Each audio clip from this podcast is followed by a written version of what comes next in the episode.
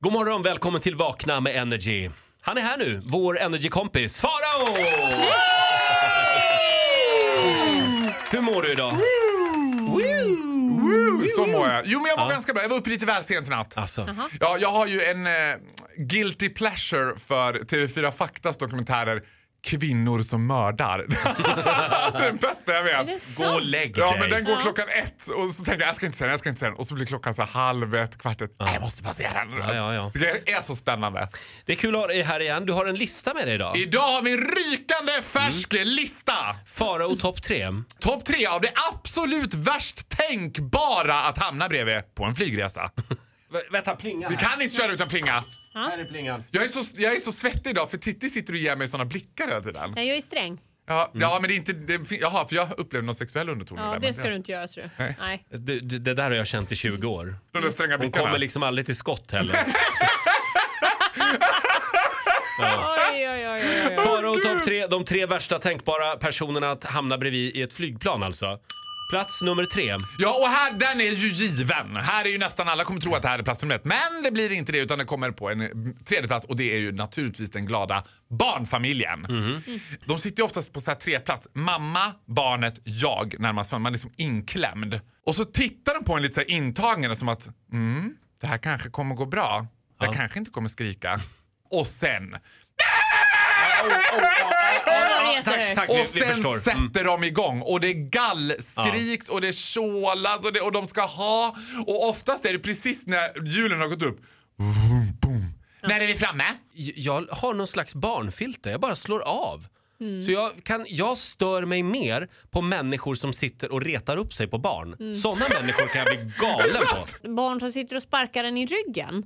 Där har ju jag provat några gånger och faktiskt sagt hej, är det okej om du slutar sparka på ryggstödet? Det gör jätteont i ryggen på mig. Och då tycker jag det intressanta är att jag vid ett flertal tillfällen har fått reaktionen från föräldrar som upplyser om att men vi har betalat för det här utrymmet. Ja, men har ni, har ni betalat extra för dåligt uppförande? Då Ja, brukar jag men- fälla stolsätet och lägga mig i knät på barnet. Barnen undviker vi alltså. Ska vi gå vidare? Vi går vidare. Plats nummer två. Ja, och det här är ju kanske lite i kombination med det här barnet. För det här kallar jag för den arga tanten. Mm. Och det är den kraftiga, gärna lite...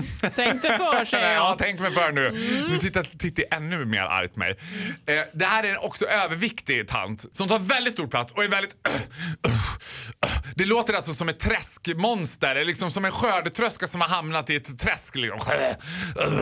Ja. Vet du vad jag tycker är ännu jobbigare? Nej. Tanter som hela tiden letar efter någonting när de flyger. Ja, men alltså... Men det, ja, men Ofta det, reser de i grupp och det är alltid Ja. Maj-Britt, Maj-Britt, tar du ner min väska? Jag tror jag har ett Stimorol i Ja. dig. Eh, Ulla, kollar du din väska? Jag...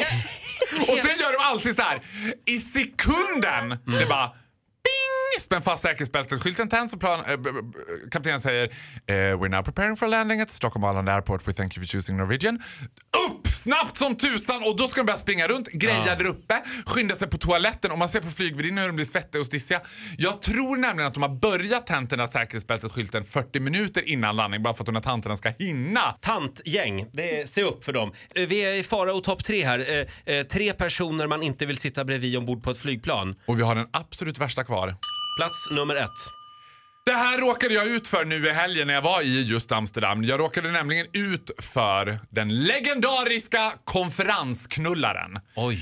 Du vet, det Det är här är Mm. jag inte bekant med. Nej, det borde det vara Titti med tanke på att du nyss har varit på Malta med ett gäng säkerliga konferensknullare. Du- Say Äh, no Jaha, mo. eh, Berätta, hur känner man igen dem? Man känner igen dem så här, de kommer gärna på planet lite sent. De är ett grabbgäng, oftast heterosexuella. De är mellan 6 till 10 stycken.